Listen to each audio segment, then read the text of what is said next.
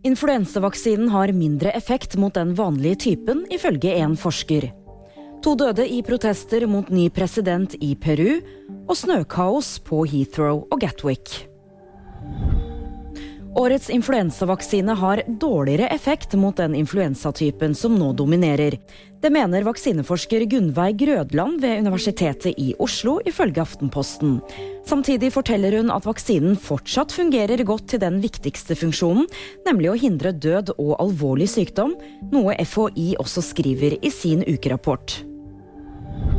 To personer mistet livet i sammenstøt mellom demonstranter og politi i Peru. Demonstrantene krevde nyvalg og løslatelse av den avsatte presidenten Pedro Castillo. Søndag forsøkte de å storme byens flyplass, ifølge myndighetene. Kraftig snøfall fører til både innstillinger og forsinkelser ved flyplassene Gatwick og Heathrow utenfor London. Flere norske fly er også blitt innstilt, og SAS og Norwegian sier de jobber med ombookinger. Det var VG nyheter, og de fikk du av meg, Julie Tran.